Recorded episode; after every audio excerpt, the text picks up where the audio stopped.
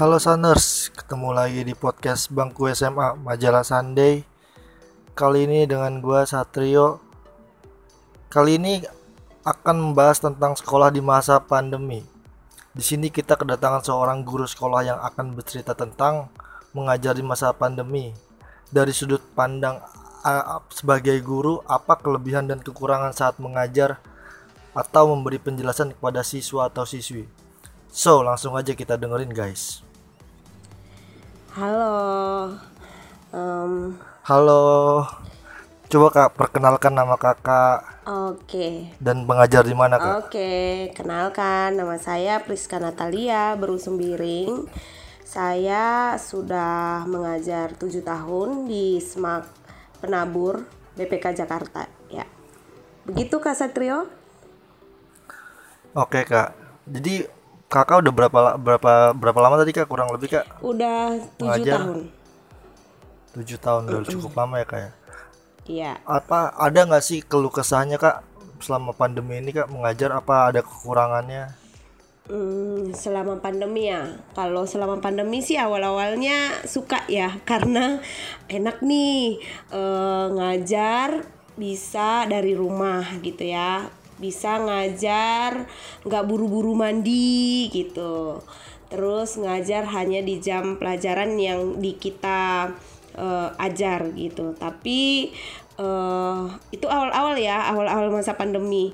Ternyata Oh, iya, iya, iya. betahnya cuma tiga bulan nih ya ngerasa asiknya bulan keempat sampai istilahnya ini kan hampir udah dua tahun ya ya Iya. kan nanti kalau anak-anak di sekolah kan ini tahun kedua ya masa pandemi yang tahun pertama sudah lulus yang ini masuk tahun kedua Eh, suka dukanya itu udah mulai kerasa karena eh, kita kelamaan melototi lap- laptop gitu ya jadi mata agak eh, lelah gitu karena banyak melihat layar kemudian eh, kayak nggak ngajar ya kayak misalnya hanya mengajar apa eh, orang-orang yang misalnya di dari jarak jauh tapi interaksinya itu kayaknya kerasanya kurang Kurang gitu. ya, Kak, ya? Heeh, gitu. Kurang ya? Mm-mm. Oke. Kan dunia sekolah kita lagi apa mengalami di masa pandemi ini banyak perubahan ya. Nih baik dari siswa maupun siswi apa sih yang dirasakan seorang guru? Apa udah terbiasa mengajar offline atau bedanya dengan bertatap muka atau online itu ada nggak sih kak selama hampir dua tahun ini? Oh, ada banget ya, dan dampaknya banyak banget. Kalau awal-awal kita belajar online itu tidak hanya siswa ya, kayaknya guru juga itu banyak eh, harus berlatih ya menggunakan Zoom. Kalau dulu itu menggunakan Google eh, Google Meet ya. Terus Oh ya, Google Meet. beralih ke Zoom yang udah lebih baik, misalnya begitu. Kemudian eh, ada nilai positif negatifnya juga ya antara Google Meet dan Zoom. Terus habis itu eh untuk interaksinya ya, karena kadang-kadang kita kan nggak bisa memaksa anak untuk selalu buka open kamera gitu. Apalagi kalau di penabur itu kan mereka itu dari setengah tujuh sampai jam satu sekolah. Kalau gurunya itu kan bisa bergantian. Nah, saya kadang-kadang eh, dilema sih ya. Kadang-kadang merasa eh, kalau mereka harus open kamera, kasihan juga mereka juga matanya lelah. Tapi kalau misalnya di saat jam pelajaran saya mereka tidak open kamera, saya merasa aduh saya kayak nggak dihargai, merasa kayak gitu kadang-kadang. kayak diabaikan Mm-mm, ya. Kadang-kadang Kayak merasa diremehin gitu ya? Diabaikan begitu. Eh, sebenarnya ini anak ada nggak sih di situ ada atau udah tidur nggak sih kayak kayak gitu ada perasaan-perasaan kayak gitu gitu. Jadi eh, kalau dipanggil-panggil anaknya kan kelamaan ntar jamnya udah habis kan karena satu jam itu kan 30 menit ya untuk eh, masa pandemi ini. Jadi kadang-kadang saya harus mengabaikan seperti itu ya. Mau nggak mau saya harus mengabaikan untuk ya udahlah biarlah mereka untuk tidak open kamera. Tetapi kadang-kadang saya merasa sebagai guru saya kayaknya saya diperhatikan atau enggak sih ketika saya mengajar Iya gitu. sih, Ada benar. perasaan begitu gitu.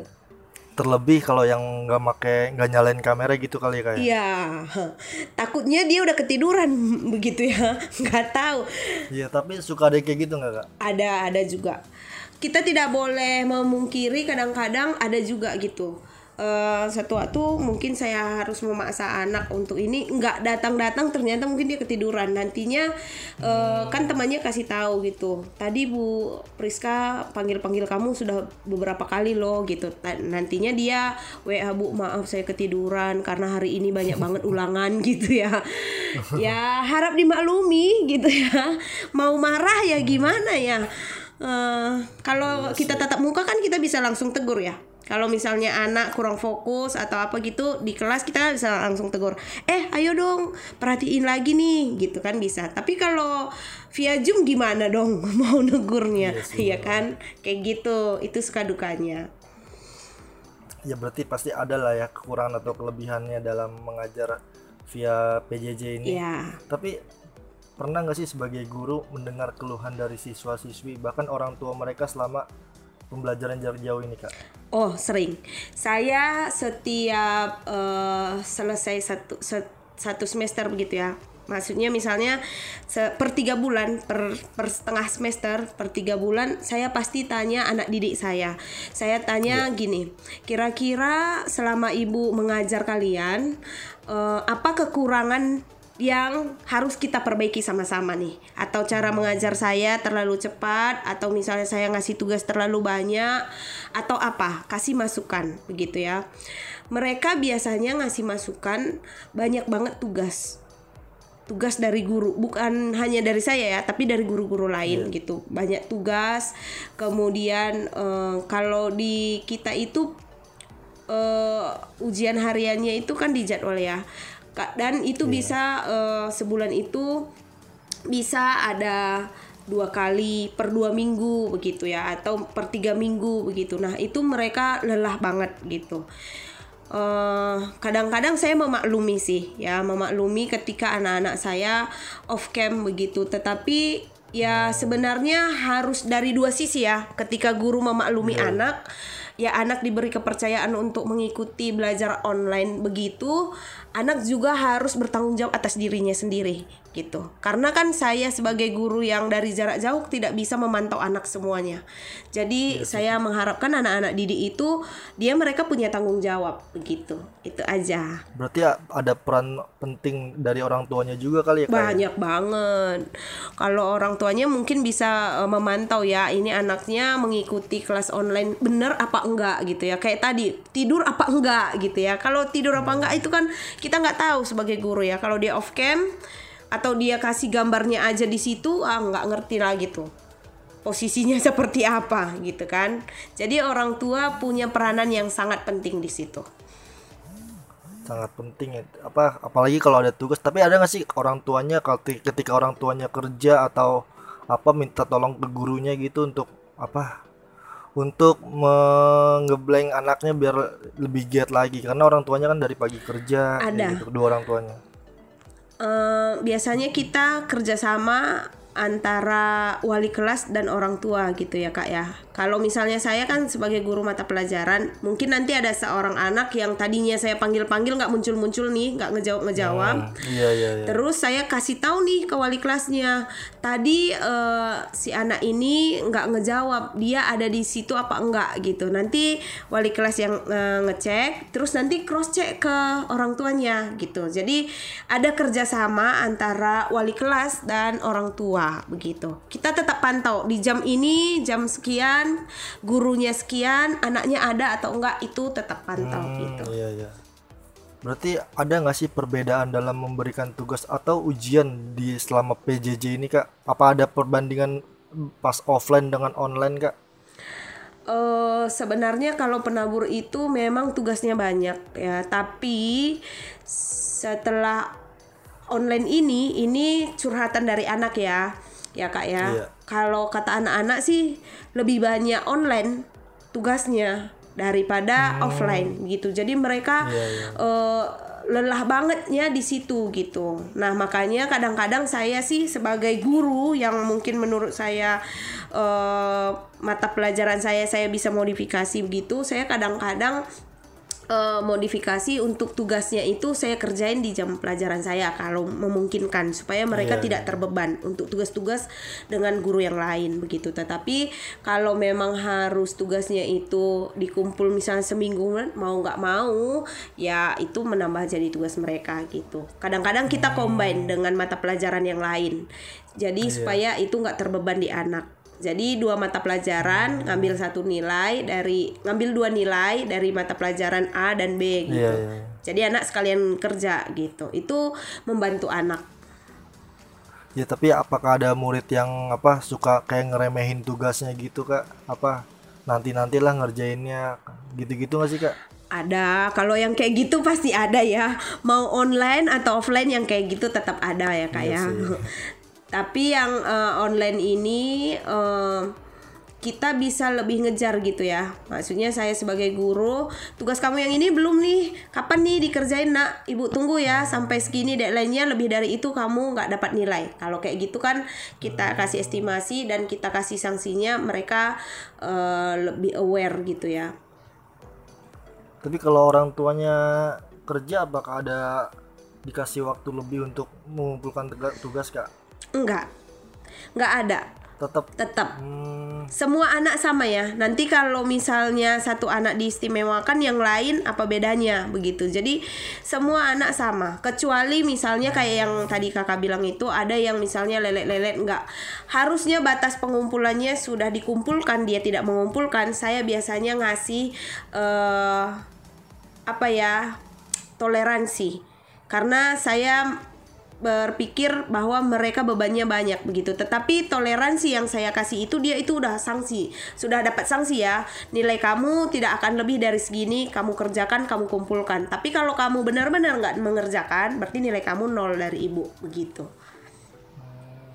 tapi pasti ada kan apa murid-murid yang kurang mengerti penjelasan selama online begini. Gimana sih tanggapan guru itu cara menjelaskannya kepada murid itu kak? Nah, kalau saya pribadi, saya eh, mengajar online dan offline itu sama aja. Jadi kalau mengajar online itu saya tetap akan eh, share eh, PPT saya, bahan saya, dan mereka mendengar dan melihat begitu ya. Begitu juga ketika saya mengajar offline begitu. Tetapi ketika mereka misalnya eh, nggak mengerti, ketika saya mengajar secara online, mereka bisa me WA saya atau menelepon saya untuk menanyakan, Bu, tadi materi yang ini saya kurang paham, gitu. Dan saya eh, menjelaskan kembali, begitu. Saya memberi kesempatan itu bagi anak-anak didik saya.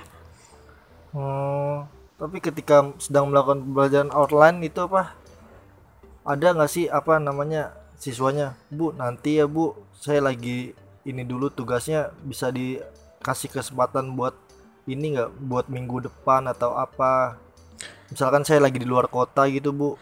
Oh, kalau yang itu tidak ya. Saya kalau untuk priba- eh, ya? pribadi seperti itu tidak. Tetapi ketika di kelas saya akan rembukan dengan anak didik saya. Misalnya ada tugas nih kita bikin proyek nih. eh, Ibu kasih waktu satu minggu cukup nggak gitu? Saya tanyain di kelas ya di kelas Zoom. Eh, mungkin mereka minta bu jangan satu minggu lah bu banyak banget tugas dikumpul di eh, minggu ini. Gimana kalau Iya, dua minggu bu? Oke, kalau dua minggu oke, tapi kesepakatan semua anak, bukan hanya satu dua orang anak gitu kak. Jadi kesepakatan dengan semua anak itu saya mentoleransi seperti itu. Oke, kita kumpul dua minggu lagi ya, begitu. Oke, ini kita lebih ke meluas lagi ya kak. Ini berarti ke seluruh Indonesia lah kan. Apa kita ini kan sedang sedang lagi masa pembelajaran PJJ nih ya Iya. kak ya. Kan banyak tuh apa siswa-siswa yang sedang ada ber- berada di pelosok pedesaan yang da- susah dapat sinyal. Gimana sih tanggapan kakak tentang belajar online itu bagi siswa-siswa yang jauh dari kota kayak gitu-gitu kak? Eh kalau saya sih melihatnya kasihan ya kalau mereka harus juga belajar online tetapi eh, dengan kondisi jaringan yang tidak memungkinkan itu akan menghambat proses belajar mereka. Tidak hanya anak tapi guru juga susah memberikan apa ya eh, pengajaran atau tugas kepada anaknya. Kalau saya sih saya sih Pak eh, menyarankan sih ya kalau misalnya di Jakarta yang masih zona merah atau zona hitam lah atau zona apalah yang dikatakan masih Iya, eh, iya, iya. darurat dengan pandemi mungkin bisa untuk PJJ. Tetapi Hmm. kalau misalnya kita lihat ke daerah-daerah yang mungkin mereka tidak terlalu apa mm, Iya, darurat. di pelosok kayak Eh, gitu, tidak Iya. terlalu darurat terhadap pandemi ini eh, istilahnya Iya. tidak terlalu eh, seperti di Jakarta begitu ya zonanya eh, merah gitu. Menurut saya ada baiknya sih tetap muka. Kenapa? Karena itu mempengaruhi psikologi anak dan psikologi guru juga gitu. Jadi eh, saya belajar melalui pengalaman saya ketika mengajar online ini kadang-kadang eh, kita kan merasa santai gitu ya at least Iya. anak pun pasti merasa begitu ah ntar lagi lah kan nggak harus eh, mandi gitu ya anak bisa Iya, eh, sikat gigi aja cuci ma- eh, muka aja terus Cuci pa- muka, eh, pakai seragam atasannya doang online. gitu ya bawahnya benar. masih celana Bawahnya piyama enggak. gitu atau masih Iya, celana benar. pendek gitu ya at least mungkin gurunya juga sama gitu jadi itu kan Hmm. kesiapan kita untuk eh, mengajar dan anak juga menerima pengajaran berbeda kalau kita misalnya eh, ke sekolah kita kan harus siap-siap tuh mandi harus sarapan harus eh, Iya benar. naik Udah persiapan dari pagi iya, naik gitu, Kak. kendaraan ke sampai ke ini itu kan lebih siap secara mental dan secara pikiran kita lebih siap gitu. Kalau di sekolah kayaknya santai, bawaannya santai. Jadi kadang-kadang itu mempengaruhi bahwa anak juga eh, nggak siap menerima pelajaran. Artinya mereka masih mager gitu. Dan gurunya juga mungkin ada yang seperti itu gitu. Jadi akan lebih efisien sih sebenarnya untuk belajar eh, offline gitu, Kak. Oh, tapi apa nanti berpengaruh nggak sih kak ke depannya untuk masa depan anak-anak di sekolah kita? Gitu kak? eh masa depan gimana nih maksudnya nih kak? Iya berpengaruh apa enggak untuk murid-murid untuk ya ke depannya dia? Apakah dia nanti bakal jadi mager terus? Apa? Kan udah kebiasaan dari rumah nih. Oh itu yang kita takutkan ya kan? Kalau misalnya satu tahun satu tahun setengah ini ya mungkin mau nggak mau kita harus PJJ ya kan? Tapi kalau misalnya harus dari rumah secara terus menerus ya mungkin bisa mempengaruhi karena nggak akan maksimal kak. Kalaupun ujian dari rumah walaupun misalnya ujian dari secara PJ itu nggak akan maksimal. Berbeda dengan sistem yang eh, offline kita biasa. Kalau offline kan tatap muka guru bisa ngelihat nih gerak gerik anaknya mau contek atau Iya, apa benar. gitu kan. Iya. ngelihat buku atau apa gitu. Tapi kalau offline ya siapa tahu. Saya kan nggak tahu gitu ya. Dia buka handphonenya lagi dia buka ininya lagi. Google Heeh. gitu kali ya, cari Heeh. jawabannya ya. googling gitu kan itu kan nggak Iya, nggak bisa dijamin ya kan. Bukan maksudnya kita bukan native ya. Sebagai guru kita nggak native terhadap Iya. anak ajar kita untuk itu. Tetapi tidak menutup kemungkinan juga kalau mereka tidak mau jujur ya. Mau cari Iya sih, cari benar. jawaban di yang lain kan itu mempengaruhi kak. Menurut saya itu mempengaruhi. Tapi ada nggak sih yang berkesan kak selama pembelajaran online ini kak? Berkesan berkesannya eh, saya eh, menghargai sekali anak-anak saya walaupun baik itu saya di jam pertama mengajar ataupun saya di jam terakhir mengajar mereka masih eh, open kamera kepada gurunya. Saya sangat menghargai itu gitu ya. Saya tahu anak-anak didik saya itu pasti lelah dan capek tapi ketika mereka eh, buka kamera ketika gurunya masuk ruang zoom dan mereka buka kamera dan mendengarkan gurunya at least mereka bosen atau at least mereka ngantuk dan segala macamnya saya menghargai sekali itu. Gitu. Hmm, tapi anak-anak sekarang kesannya kayak lagi libur nggak sih sekolahnya? Kayaknya banyak banget yang masih kayak siang-siang masih main paginya juga ada yang keluar gitu. Tanggapan kakak gimana tuh kak? Kalau saat ini kan memang lagi libur ya kak ya bukan maksudnya selama pandemi kemarin gitu kak oh selama pandemi di jam masihnya di jam sekolah jam di jam sekolah yang biasanya mereka mereka berada di sekolah tapi kan ada yang siang-siang udah pada main gitu-gitu kok nggak belajar gitu-gitu Nah, itu dia. Eh, itu dia sebenarnya bagaimana eh, pengawasan antara guru dan orang tua dalam mendukung PJJ ini ya, Kak ya. Karena eh, begitu tadi, kami sebagai guru walaupun kami sudah melakukan hal yang semaksimal mungkin yang kami bisa. Tetapi kalau tidak dibantu oleh orang tua di rumah, ya kami akan kecolongan seperti itu uh, kayak itu tadi mungkin ya dia nyalain laptopnya masuk ruang zoom aja terus uh, off cam kemudian dia main keluar kan kami nggak tahu nah itu iya, uh, uh, peran orang tuanya sangat besar di situ untuk sangat mengawasi ya. iya mengawasi iya. anaknya berarti apa sih masukan supaya para siswa tetap semangat dalam menjalani sekolah daring ini kak Oke, masukannya uh, eh, PJJ ini kan bukan hanya kita aja ya. Seluruh Indonesia hampir PJJ gitu. Jadi uh, semager-magernya kita akan ada hal positif yang kita temukan ketika kita bertemu dengan bapak ibu guru kita di kelas Zoom hmm. gitu.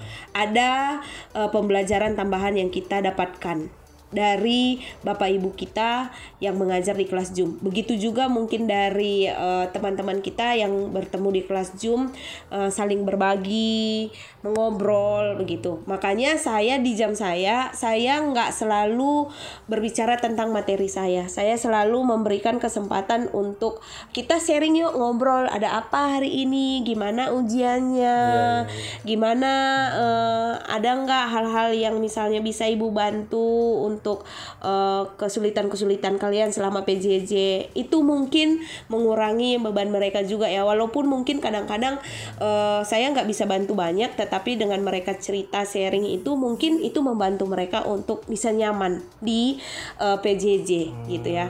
Kalau misalnya gurunya hanya materi materi terus ujian minta nilai gitu kan itu juga akan membuat anak stres gitu dan kita nggak robot kan. Hmm. kita manusia yang istilahnya butuh sharing butuh berbagi butuh didengar juga. Begitu kak.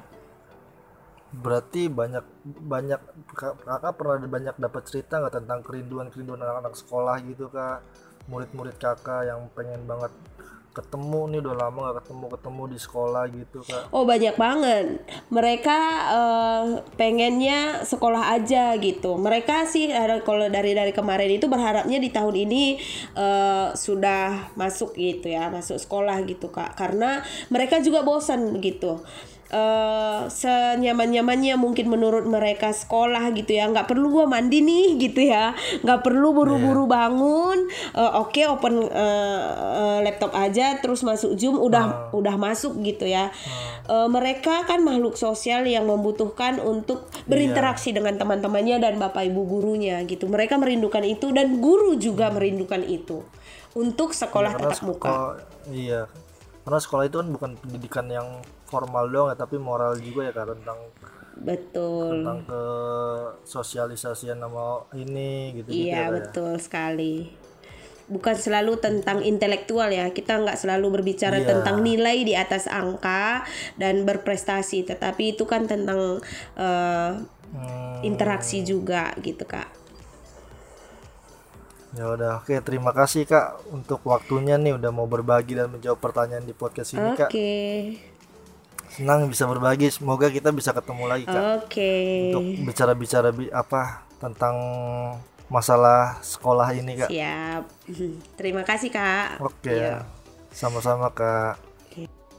Oke. Saners, barusan kita mendengarkan podcast Bangku SMA Majalah Sunday. Semoga menjadi inspirasi buat kita semua yang sedang menjalani proses pembelajaran jarak jauh atau daring. Semoga dunia pendidikan kembali berjalan normal dan proses pembelajaran bertatap muka kembali berjalan normal. Oke Saners, jika podcast ini dapat bermanfaat, jangan lupa di-share ke teman-teman atau saudara dan keluarga agar podcast ini dapat bermanfaat bagi semua orang. Dan jangan lupa cek majalah sunday.com karena banyak konten menarik di situ. Bisa juga cek di Instagram kita loh di @majalah_sunday. Gua Satrio pamit sampai jumpa di podcast Majalah Sunday berikutnya. Bye bye.